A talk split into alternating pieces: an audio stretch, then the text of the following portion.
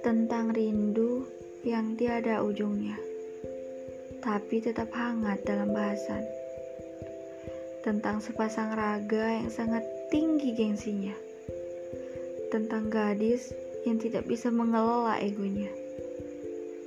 Dan tentang semesta yang memisahkan mereka.